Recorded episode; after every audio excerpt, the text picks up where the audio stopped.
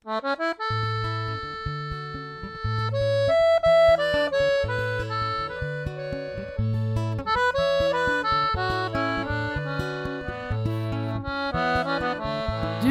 nå på en podkast fra Trondheim kommune og Dialogsenteret. I dag har vi besøk av Trondheimshjelpa. Dere er en avdeling i Barna- og familietjenesten, og dere er et lavterskeltilbud til familier som har utfordringer. I studio for å snakke om dette har vi Toril og Aren, Baroin og meg, Serafina.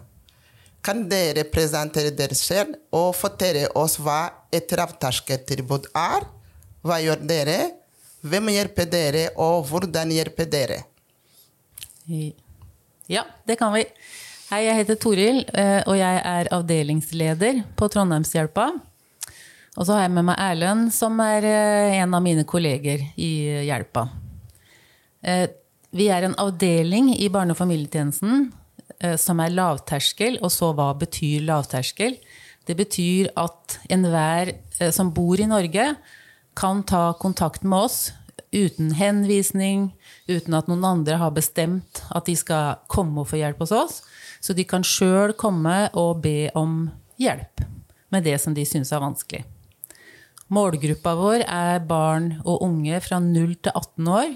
Og når man jobber med barn og unge, så må man også jobbe med familiene til de her. Ikke sant, Erlend? Jo, det er helt riktig, Toril. Eh, Så det, det nye med Trondheimshjelpa er at man kan, familiene selv kan ta direkte kontakt med oss. Da. Eh, På forskjellige måter. Via telefon, via en nettside som straks er oppe og går. Og så er det også lett å få eh, tak i oss via barnehager og skoler. Det er en veldig vanlig måte å nå oss på. Og som Toril sa, så er det uten henvisning. Der man kan bare komme, ta kontakt og, med sine behov. Da. Tidligere så hette så, så hadde vi Vi kan jo si det nå. Tidligere så hadde vi en avdeling på barne- og familietjenesten som heter Familietiltak. Så mange kanskje kjenner oss derfra. Eh, Og det har vært en stor omorganisering i Trondheim kommune som har endt opp i at vi har fått denne avdelinga som ikke lenger jobber med eh, barnevernsvedtak. Så vi jobber bare ut fra den loven i Norge som handler om psykisk helse. Så vi jobber ikke med barnevern i det hele tatt. Vi kan eh, jobbe med barn og familier som også er i barnevernet, men det er alle de som kommer til oss, de kommer til oss fordi at de sjøl har lyst på hjelp. Og de har lyst til å være i et samarbeid med oss for, å, for at barna deres skal få det bedre. Eller at de sjøl skal få det bedre sammen med barna. Så det er et viktig poeng at Trondheimshjelpa ønsker å være et forebyggende tiltak. Da. Så hvis vi kommer tidlig inn, så kanskje vi kan forhindre at uh, saker utvikler seg til å bli barnevernssaker. Da. Det har vi erfart mange ganger, at det har gått bra. Betyr det at f.eks. innvandrerfamilien som eh, oppdager at de sliter, kan ta kontakt med dere før? Kanskje de snakker med fastlege eller noe annet? Ja. Eh, før fastlege, før psykolog, før, eh, før skole, før barnehage, før hva som helst, egentlig. Så kan de ta kontakt med oss. Og så er det jo vi, vi har telefon, og vi har nettside som snart I slutten av august så får vi en nettside for Trondheimshjelpa i hele byen. For vi har avdelinger i alle bydeler. Både Heimdal, Lerkendal, Midtbyen og Østbyen. Sånn at det kommer en ny nettside som gjelder for alle bydelene. Og der er det telefonnummer, og er også en nettadresse. Men så er det jo sånn, hvis det er vanskelig med f.eks. norskspråket, så vil det jo være vanskelig også å snakke med oss på telefon eller på mail. Så da kan man jo gå via folk man kjenner, da. F.eks. Mm. flyktninghelseteamet eller inn, eller eh, noen som kan sant, hjelpe de inn til oss. Men det er ingen som kan bestemme at de skal få hjelp hos oss. Det er bare en sjøl som borger i Norge. Mm. Og så kan dere si litt om hva slags hjelp de får, eksempel. Ja, jeg tenkte først jeg kunne si altså, hvor vi rent fysisk holder til. Vi har, vi har kontor på Falkenborg, eh, rett bak Sirkus Shopping, Okay. i femte etasjen der. Og så har vi også et eh, familiehus i Innherredsveien 96, da, hvor vi kan ta imot familier til samtale og veiledning. Og det er litt av svaret på det du spør om, da, hva vi kan tilby. Vi, i, starten så er det på en måte å bli kjent med familien, være litt nysgjerrig på hvem de er. Sammen med familien da, finne ut, uh, finne ut hva som er utfordringer, og hvordan man kan løse det. da. Og så er vi også en avdeling som sam samarbeider med andre hjelpere i kommunen. da. Så vi kan jo være med familien i møte med andre hjelpere, eller henvise dem videre. da. Vi har ganske god oversikt over det samlede hjelpetilbudet. da. Og sikkert eh, de, hvis familien trenger tolk, f.eks., bruker dere tolk Vi, òg? vi bruker tolk, vet du. Ja, vi er bestiller ofte tolk. Det er kjempebra. Særlig de som er fra andre land, innvandrere. Familie, så alle kan ikke språket sitt. Nei, språket kan være en stor barriere. ja. Og noe som gjør at familier nøler med å ta kontakt med oss. da, fordi at det er en språklig barriere der. Vi, vi har god erfaring med å bruke tolk, både telefontolk og, og tilstedeværende tolk. Kommer litt an på hvilket språk, egentlig. Eh, og så er det også den, den vi møter, da, den familien vi møter, som er med og bestemmer om de vil ha telefontolk eller eh, en som Ja. er til stede. Jeg vet ikke om du fikk godt nok svar på det du spurte om Nei, i stad. Hva, hva vi kan hjelpe til med. Ja, for det tenkte jeg som kanskje Det er fint at dere har gitt et eksempel. Kanskje det Ja. blir litt mer eh, bedre svar, kanskje. Ja, Hvis jeg skal gi et eksempel fra, min, fra mitt virke da, i Trondheimshjelpa, så har jeg de siste årene jobba mye med bekymringsfullt skolefravær. da.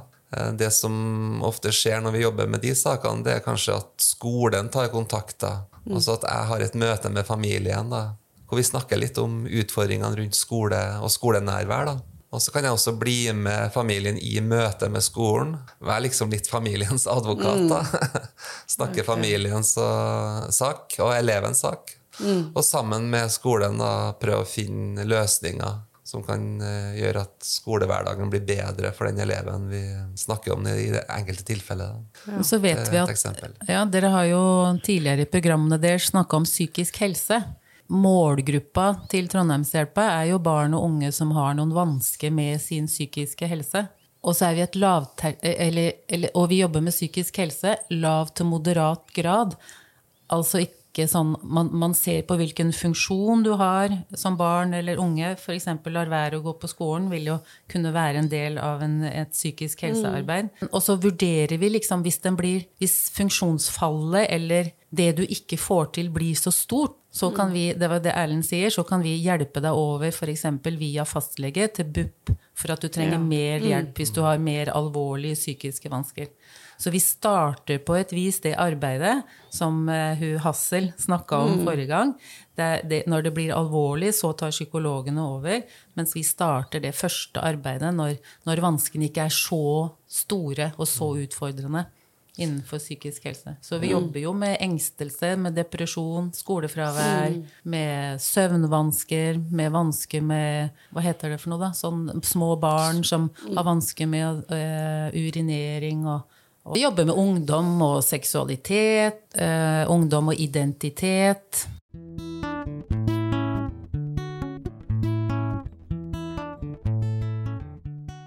Den gruppa som jobber i Trondheimshjelpa, den er veldig forskjellig. Det er psykologer, barnevernspedagoger, sosionomer, Pedagoger. pedagoger, spesialpedagoger, sexolog, Um, fysioterapeut. Så vi har mye for, helsesykepleier. Så vi har mye forskjellig utdanning som gjør at når noen kommer til oss og begynner å beskrive sine vansker, så kan vi vurdere hvem er det som passer best å jobbe med deg. Eh, Det som Trondheimshjelpa er pålagt å ha, det er noe som heter et tilbakemeldingsverktøy som vi må bruke.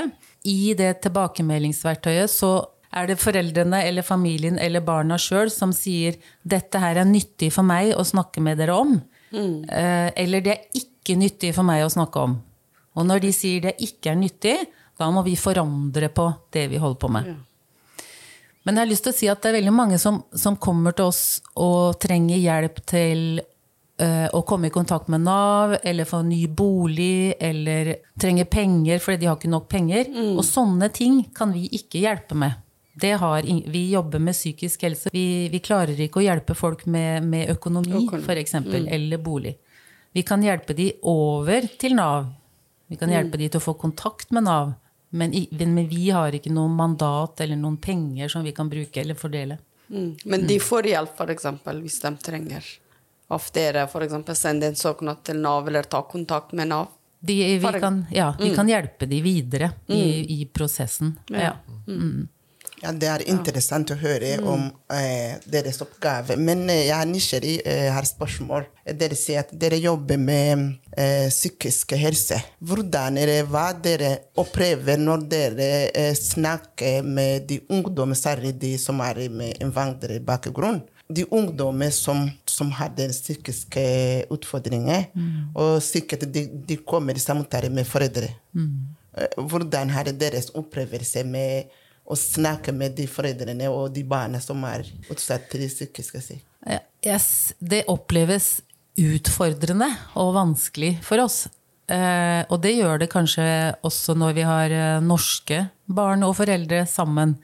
For ofte så er det jo sånn at når barn og foreldre er sammen, så i samme rom som terapeut, så blir det litt sånn usikkert. Hva har man lyst til å snakke om? Hva kan man snakke om når mamma og pappa er der? Hva vil man ikke at mamma og pappa skal vite? Sånn at man må gå litt forsiktig og bli litt enig med ungdommen først. Hva er det vi skal snakke om når mamma og pappa er her? Det som erfaring som jeg har snakka med ungdom om, hvis vi tar ungdom først nå, så vil jo det være f.eks.: når, jeg- når må jeg komme hjem om kvelden? Jeg syns mamma og pappa er altfor strenge. Sant? De jeg vil, alle de andre er ute til klokka elleve. Hvorfor får ikke jeg være ute til elleve? Ikke sant? Ja, da Det er veldig vanlig, og det gjør også norsk ungdom. Eller eh, mamma og pappa vil ikke at jeg skal gå på kjøpesenter, f.eks. Og hva er det vi gjør da? Det er jo neste spørsmål, da. Men eh, de er uenige med mammaen og pappaen sin, da. Er Kanskje det, det er ganske Vanlig tema. Vanlig. det- Mellom Og så har vi også det der med når ungdom isolerer seg helt fra verden. Og det syns både norske mammaer og pappaer og innvandrermammaer og pappaer er vanskelig. Når barnet blir sittende inne på rom, eller ungdommen blir sittende aleine inne på rommet sitt og ikke vil delta, vil, vil ikke spise middag sammen med de, vil ikke gå ut, vil ikke på fotball, slutter på fotballtrening, slutter på håndballtrening, slutter på skolen. Det er sånne temaer som vi snakker med de om, men som er vanskelig å snakke med de om. Ja. Og noen ganger så må vi dele, da. Noen ganger snakker vi bare med ungdommen i, i et rom, og så kan vi snakke med foreldrene en annen gang eller på et annet tidspunkt. Det er ikke alltid vi snakker med de sammen. Noen ganger er det lurt å ikke snakke med de sammen. Var det noe du tenkte på, Ellen? Nei, jeg tenker at Som regel så finner, finner vi jo en måte å gjøre det på. Eh, alle familier er jo unike, da. Ja. Så, men vi har forskjellige møteformat, liksom. Uh, barne- og ungdomssamtaler, foreldresamtaler, men også familiesamtaler. Og vi kan også uh, ta og invitere den utvida familien, altså ha et større møte med hvor man kan trekke kontaktlærere og fotballtrenere og sånne ting. Altså hvis det, hvis det føles nyttig for familien, da, at man kan ha et sånn nettverksmøte, som vi kaller det. Så, så vi prøver å forstå barn og unge i, i sin naturlige setting, liksom. Og tenker at det, det er kanskje ikke noe feil. At feilen ligger kanskje inni barnet, men at det problemet handler om samspill både hjem og på skole og på forskjellige arenaer. Mm. Så vi prøver å ha litt sånn eh, Vi liker å invitere mange forskjellige folk inn i samtalerommene. Mm. Ikke bare de isolerte barnet, liksom. Ja, det er kjempebra. Men har dere noen sånn konkret eksempel om hvis det foreldre trenger noe foreldreveiledning, f.eks. For eksempel. Familien, hvis de trenger. Ja, det er jo en veldig van, kanskje noe av det vanligste vi gjør. da, da. Å snakke med foreldre. Og da er det jo på en måte å, å lytte til foreldrene. Altså hjelp, eller å være til stede som en lytter. Men uh, i slutten av møtene så pleier vi alltid å, å prøve å finne fram til én eller to ting de kan prøve ut. Altså en ny ting, en ny strategi. En handling de kan teste ut de neste par ukene da, for å se om det skaper en forandring. Men Så, så det er samtalebasert, men så er vi litt handlingsretta også Riktig. mot slutten av samtalen.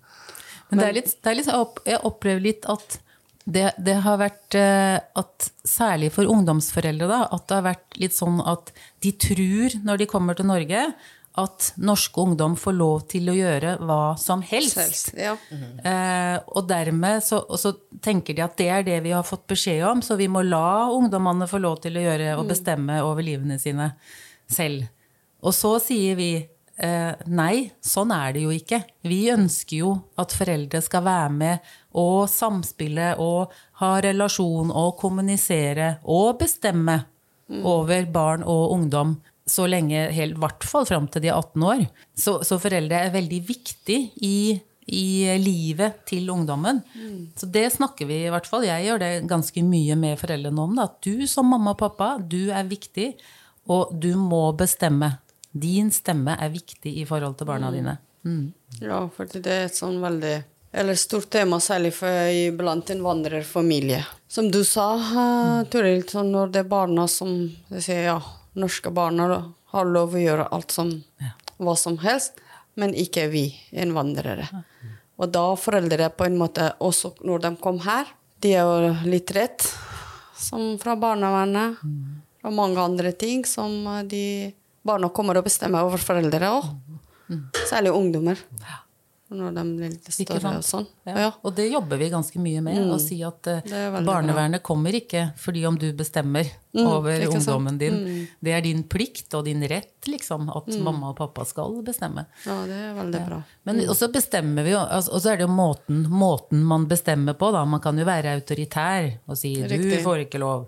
Men man kan også være i dialog med, med ungdommen og si eh, for, for deg og for din utvikling så er det viktig at, vi, at du ikke er ute til langt på natt, eller ikke bruker rusmidler eller alkohol, sånn, ikke røyker. Sånn at man går i dialog med ungdom om de her tingene. Da. Mm. Og noe av det vi snakker med foreldre om, det er jo det med Altså, foreldre har litt ulik foreldrestil, da. Altså, noen er litt mer eh, sa, Streng. Streng, kanskje? ja, men litt mer sånn samtaleorientert. De vil liksom høre hvordan barnet har hatt det i dag, og hva barnet er opptatt av, og hva barnet har Altså både gleder og sorger.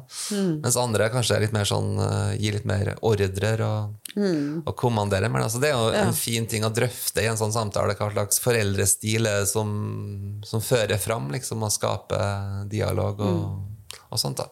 Ja, det Det er et vanlig, et tilbakevendende tema i de samtalene. da. Tema foreldrestil. Jeg synes de innvandrerforeldre trenger mer veiledning, både også ungdommer. Fordi når de kommer til Norge, det er ikke rett å rare det som er riktig eller ikke riktig da, når det gjelder ungdommer. Så når de er vant med at foreldre skal kommandere, det er dem som bestemmer. Og når de kommer, de starter å rare Nei, jeg har rett til å si sånn, jeg har rett til å gjøre det det. Og så det blir sånn kulturkrasj, da. Så det blir vanskelig å, å kommandere å sette grenser for de foreldrene som på en måte de mister makt, og barna vil bestemme over dem. Og så som de kommer til Norge, de har redde at barnevernet sikkert de, merker, de kan ikke differensiere mellom barnevernet og dere. Og så der når de, de er i kontakt med dere, de tenker det er barnevernet også. Ja. Så derfor noen ganger de begrenser de Ja, og det, det er veldig forståelig. Og det tror jeg det, Vi har jo ikke så mye Det er ikke så mange med ikke- ikke-etnisk norske som tar kontakt med Trondheimshjelpa. Nå er vi ganske nye og ferske, og, og navnet vårt er helt nytt. Men det vi ser fram til nå, det er at når vi får kontakt med ikke-norske, så er det via skolelag og barnehagelaga. For på alle skoler og barnehager i hele byen så sitter det folk fra Trondheimshjelpa og, og jobber sammen med skoler og barnehager. Og har sånne lag rundt barna. Og der, i hvert fall så vet jeg at du, Erlend, sier at på eh, de skolene og barnehagene der du er, der kommer det ofte foreldre inn i de skolelaga og forteller om det de syns er vanskelig i forhold til oppdragelse, i forhold til å gå på skole, i forhold til, å, eh, i forhold til at barnet er engstelig, eller eh, et eller annet. Så, så kontakten, den første kontakten med innvandrerfamilie er ofte via skolelag og barnehagelag. Foreløpig. Altså, til vi blir kjent, så kan det hende altså, Jeg tenker sånn at det kan hende at på sikt så vil innvandrerfamilie tørre å ta kontakt med oss direkte. Men foreløpig så er det litt via skolelag og barnehagelag. Mm. Men det er jo det vi ønsker å egentlig invitere til, at de kan ta litt mer direkte kontakter. Og ikke, at de ikke, ikke må gå gjennom skolen, men de kan ta en første kontakt med oss. Hvis det er ting de ønsker å drøfte med oss. Da. Kanskje da, hvis de tar øh, kontakt direkte med dere, de får det litt mer tryggere enn en gå gjennom skole og barnehage, fordi de er litt redde også. Fordi hvis barnehage bekymrer, eller skole bekymrer om eh, barna, også da de er litt redd, så med en gang tenker på barnevern, hvis de tar kontakt direkte. Ja, det du nevner der, det er jo på en måte noe som er uavhengig av om du er en minoritetsfamilie eller- eller etnisk norsk. Altså, mange familier syns det er litt sånn godt å møte oss først. da. Akkurat. Fordi at I et skolemøte så det jo, kan det være litt sånne eh, spenninger rundt bordet. Skolen har sin agenda, familien har sin agenda, og så sitter vi fra BFT der. Så jeg har ofte, eller oftere og oftere, så har jeg kanskje et formøte med familien. da, Hvor de kan snakke litt fritt da, om det de opplever, f.eks. på skolen. da. Ja, er, Og så kan vi sammen gå inn i et skolemøte etterpå. Mm. er veldig Men de som er nye i Norge, hvordan får de informasjon om dere? De får det f.eks. i dag, da. På den her, på radioen. Ja, det er jo vår store utfordring, Toril, det å gjøre oss kjent for befolkningen. For eh, tidligere så het jo vi familietiltak, og jeg tror at det kanskje var en av Trondheims kommunes best bevarte hemmeligheter. At familietiltak eksisterte. Så vi har en jobb å gjøre på, i forhold til å gjøre oss synlige og tilgjengelig for uh, befolkningen. Da. Og da er jo denne hjemmesida blant annet et, mm. et kontaktpunkt. Og så har vi også vi skal ha sånn offisiell åpning litt senere i høst. Da, I november skal vi ha en todagers festival da, hvor vi skal okay. prøve å bli litt mer synlige. Ja, så, det så det er litt vår utfordring. Jeg tror jo kanskje at det er viktig at både inn- og flyktninghelsetjenesten og flyktningteamet at, at de òg får informasjon om eh, Trondheimshjelpa. mm. Sånn at de kan hjelpe folk. Når vi snakker om det at mange ganger så trenger man litt hjelp til å komme Akkurat. dit og få hjelp. Mm.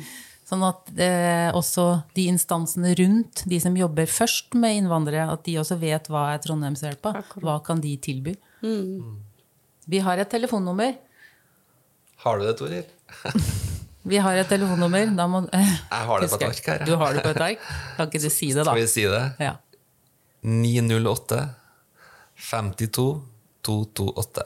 Det er Så har vi en sånn, vi har en sånn regel jeg vet ikke, Toril, at, at uh, familiene skal få svar fra oss innen en uke etter at de tar kontakt. ja. De ringer det her nummeret, og så er det uh, jeg som har den telefonen ofte, og andre som sitter i mottaket med meg. Og så er det ikke alltid vi kan ta telefonen akkurat når du ringer, men da er vi Vi garanterer at vi ringer tilbake. Og vi kan snakke engelsk, eh, det er jo en mulighet.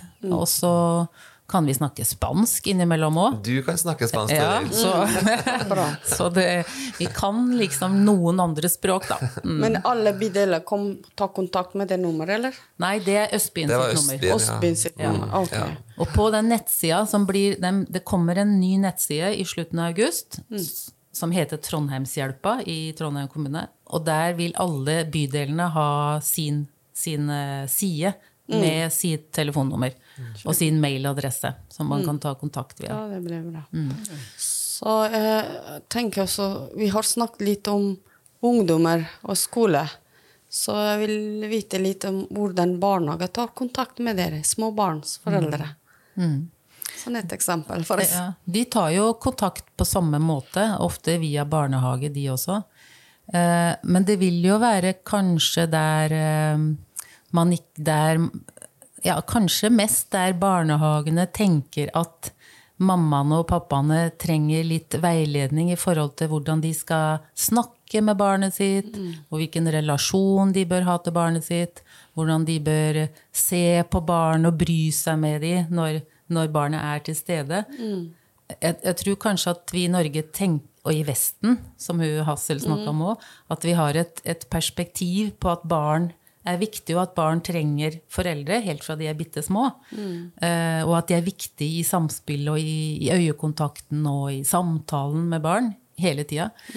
Så eh, det er vel kanskje der vi får, får eh, familier via barnehage, der barnehagen tenker at foreldrene trenger hjelp til å se nytten av at mamma og pappa snakker direkte med barnet, leker med barnet, leker masse med barnet. Mm. Vi, vi tenker jo at det er viktig å leke, leke, leke, leke. Og da er det lettere å sette grenser etterpå. Hvis du leker mye først og får en god og varm relasjon til barnet, da er det lettere å, sette, å si nei senere.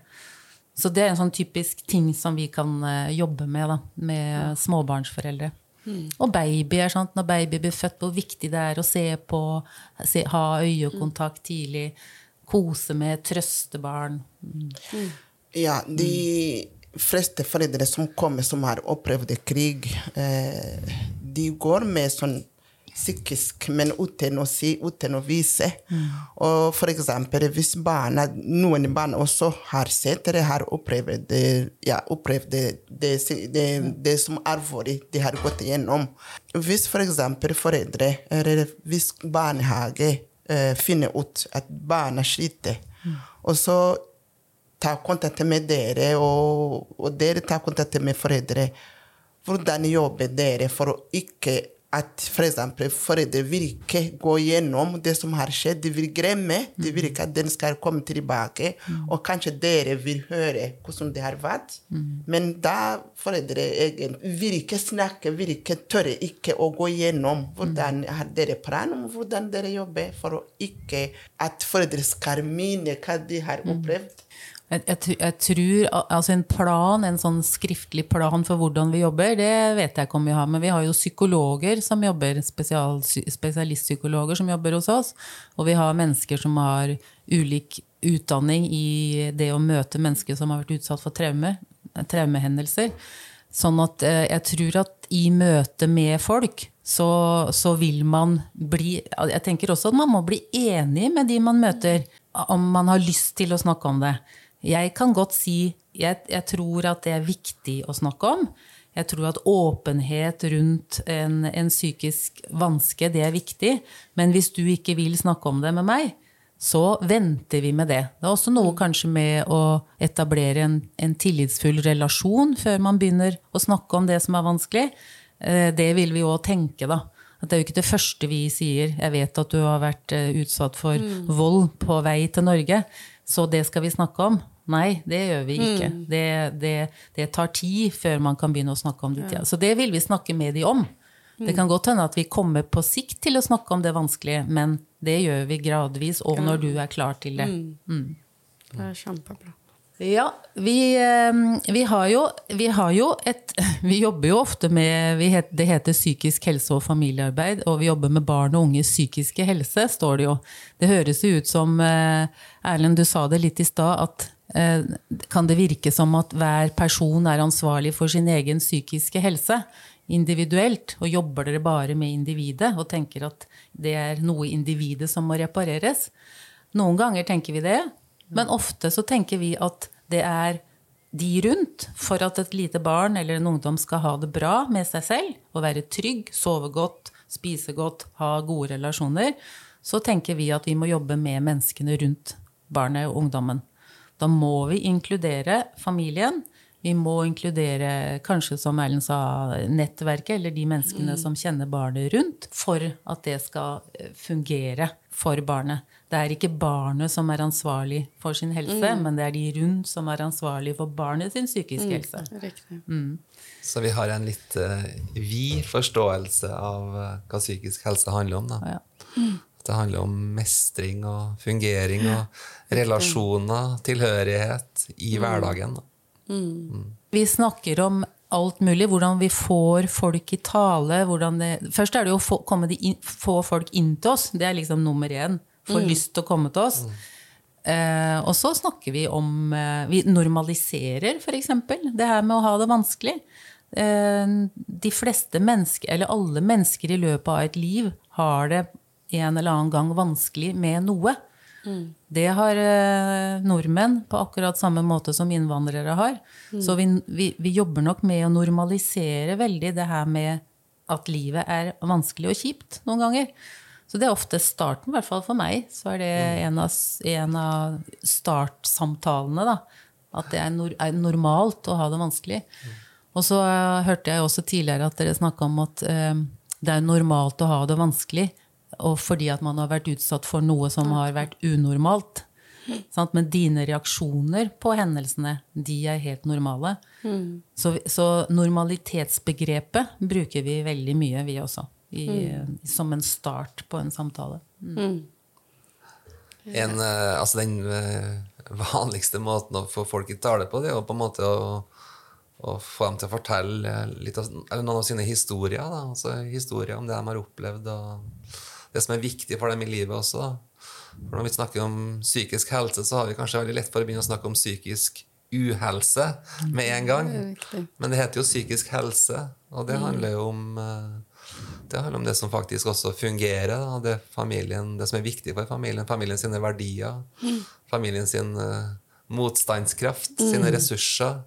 Så det har vi jo vil si at 50% av fokuset vårt, Ja. minst, ligger jo på det som har med psykisk helse og ressurser å gjøre. Uh, selv om vi selvfølgelig også snakker åpent om det som er utfordrende og problematisk, da, som har med uhelse å gjøre. Mm. Så det er en balanse der, tror jeg, som vi leter etter når vi møter familier. Vi bygger ofte, vi bygger ofte på, um, på det som fungerer bra. Det, vi finner det som fungerer bra i relasjoner mellom mennesker, i eh, oppdragelsen, og så forster- prøver vi på et vis å forsterke det hele tida. Det som er bra, istedenfor å dykke ned i det som ikke funker. Ja, det er et lite svar på det du spurte om i stad. om- Altså når man har gjennomgått traumatiske erfaringer, da, så er det sånn at uh, det er ingen mennesker som, som, som lar seg utsette for sånne ting uten å reagere. Altså Folk responderer, folk gjør motstand mot de tingene her. Og den, de motstandshandlingene her er veldig interessante å utforske, for de forteller litt om hva som bor i folk. Hva som er viktig for dem, og hvilke ressurser de sitter på. Erlend er jo Erlend er narrativ terapeut. Det betyr, kan fortelle sjøl hva det betyr, men det betyr i hvert fall at han er på jakt etter historier. Alle menneskene sine historier. Og, og det betyr jo at det historiebildet som, som bare handler om vansker, det vanlig i den psykiske, i psykisk arbeid så er det det vanskehistorien som blir veldig stor. Mens det han jobber med, er jo å få de her gode historiene, gode tingene som skjer i livet, til å bli mye viktigere enn enn, eh, den vanskelige historien. Ikke sant, Erlend? Det har jo litt med bakgrunnen min å gjøre. Jeg, jeg, har, jo ikke, jeg har ikke jobba i feltet her hele mitt liv. Jeg har vært journalist før jeg begynte i, i Trondheimshjelpa, da. så det var naturlig å ta med litt av, eh, litt av de tingene jeg har lært i journalistlivet mitt, inn dit. Og da er det jo den nysgjerrigheten på, på historie og folk eh, altså det, det, det er på en måte ingen familie, ingen ungdom som kan fanges opp av bare én historie. Det er alltid mer å fortelle. Mm. Sånn at vi prøver å få tak i flere historier enn bare den ene Ja. problemorienterte historien. Og så opplever vi jo litt når vi får Når de nye, de andre alternative historiene som vi sier, når de kommer opp, så, så opplever jeg at de historiene har en sånn forandringskraft i seg, altså, som kan skape forandring. Da. Og som også kan eh, påvirke selvfølelsen og identiteten til barn og unge i en veldig sånn positiv retning. Da. Jeg fortsetter å tenke på de innvandrerforeldre som kom eh, til Norge. Og dere sier at dere får få innvandrere som tar kontakt med dere. Har dere noen strategi for å, at de kan eh, kontakte dere, eller hva, hva gjør dere for å få dem ta kontakt med dere? Ja, først så kan vi jo si at vi skjønner jo egentlig at det kan være vanskelig å ta kontakt med en offentlig tjeneste. da. Man kan, ha hatt, man kan ha hatt negative erfaringer med myndighetene i hjemlandet sitt. Og at den tilliten da, som, eh, finnes, som det finnes veldig mye av i det norske samfunnet, at den ikke eksisterer. Og så har du jo den språkbarrieren som også kan virke litt sånn uh, uoverstigelig. Så, så vi skjønner at det ikke er så rett fram. Men jeg tenker jo at uh, for Trondheimshjelpa sin del så er det en utfordring kanskje at vi må komme litt ut. Ut på arenaen der vi kan møte den målgruppa du snakker om her. Da. Altså møte dem på deres hjemmebane, ikke bare invitere dem til våre kontor. Hvis du skjønner. For eksempel på INE vi har forskjellige um, tiltak. Vi har gruppetiltak, eksempel kvinnegrupper eller andre tiltak, der dere kan komme, kanskje fortelle om deres tilbud til dem. Kjempeviktig. Jeg har jobbet, ja, viktig. Jeg har jobba tidligere på Senter mot incest og seksuelle overgrep. Og vi var jo ofte på inn Og, og, og hadde samtaler og, og på dialogmøter og sånn sammen med på inn. Så det, det tenker jeg er, det må dere bare invitere oss til, og vi kan invitere oss inn også. Men, du, men du har jo et poeng. Det er viktig at vi Jeg tror kanskje at Trondheimshjelpa ennå ikke har begynt å legge en strategi for hvordan vi skal nå innvandrere. Så det her møtet med dere, for oss, det er veldig viktig at vi får møte dere her, sånn at vi kan begynne å tenke på hvordan skal vi, hvordan skal vi treffe innvandrere? Hvordan skal vi få dem til å tro at vi vil dem vel? Sant? Hvis det er sånn at eh, man i utgangspunktet ikke har tillit til et offentlig hjelpeapparat, hvordan skal vi da som et offentlig hjelpeapparat få dere til å tenke 'dette er bra for meg'? Så vi har en jobb å gjøre, da. Eh, som, det, som dere minner oss på at vi må tenke alvorlig på. Det er bra.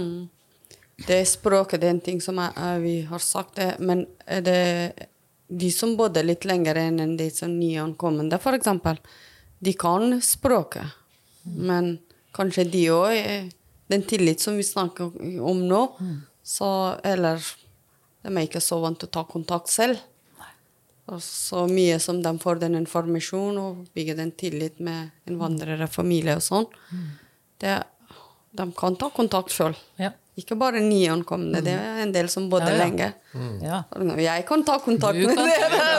Ja, ja, ja. Jeg har også barn hjemme. Ja, og det er viktig at det ikke er bare nyankomne. Det er liksom hele den norske befolkningen, i Trondheim i hvert fall, som kan ta kontakt med Trondheimshjelpa. Ja, ja, ja. De som har barn, foreldre med barn. Ja.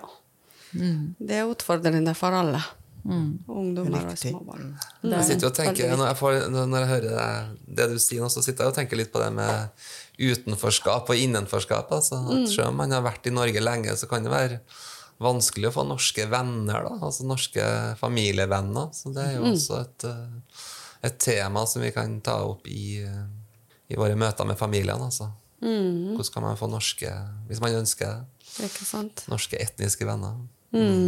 Vi tenker også, Det er et sånt tema, bare si, jeg ser at vi kanskje skal begynne å runde av nå, men det her med, med tenåringer, med seksualitet, med vold, med rus Det her også er jo sånne temaer som er kjempevanskelig å forholde seg til som foreldre, også for norske foreldre.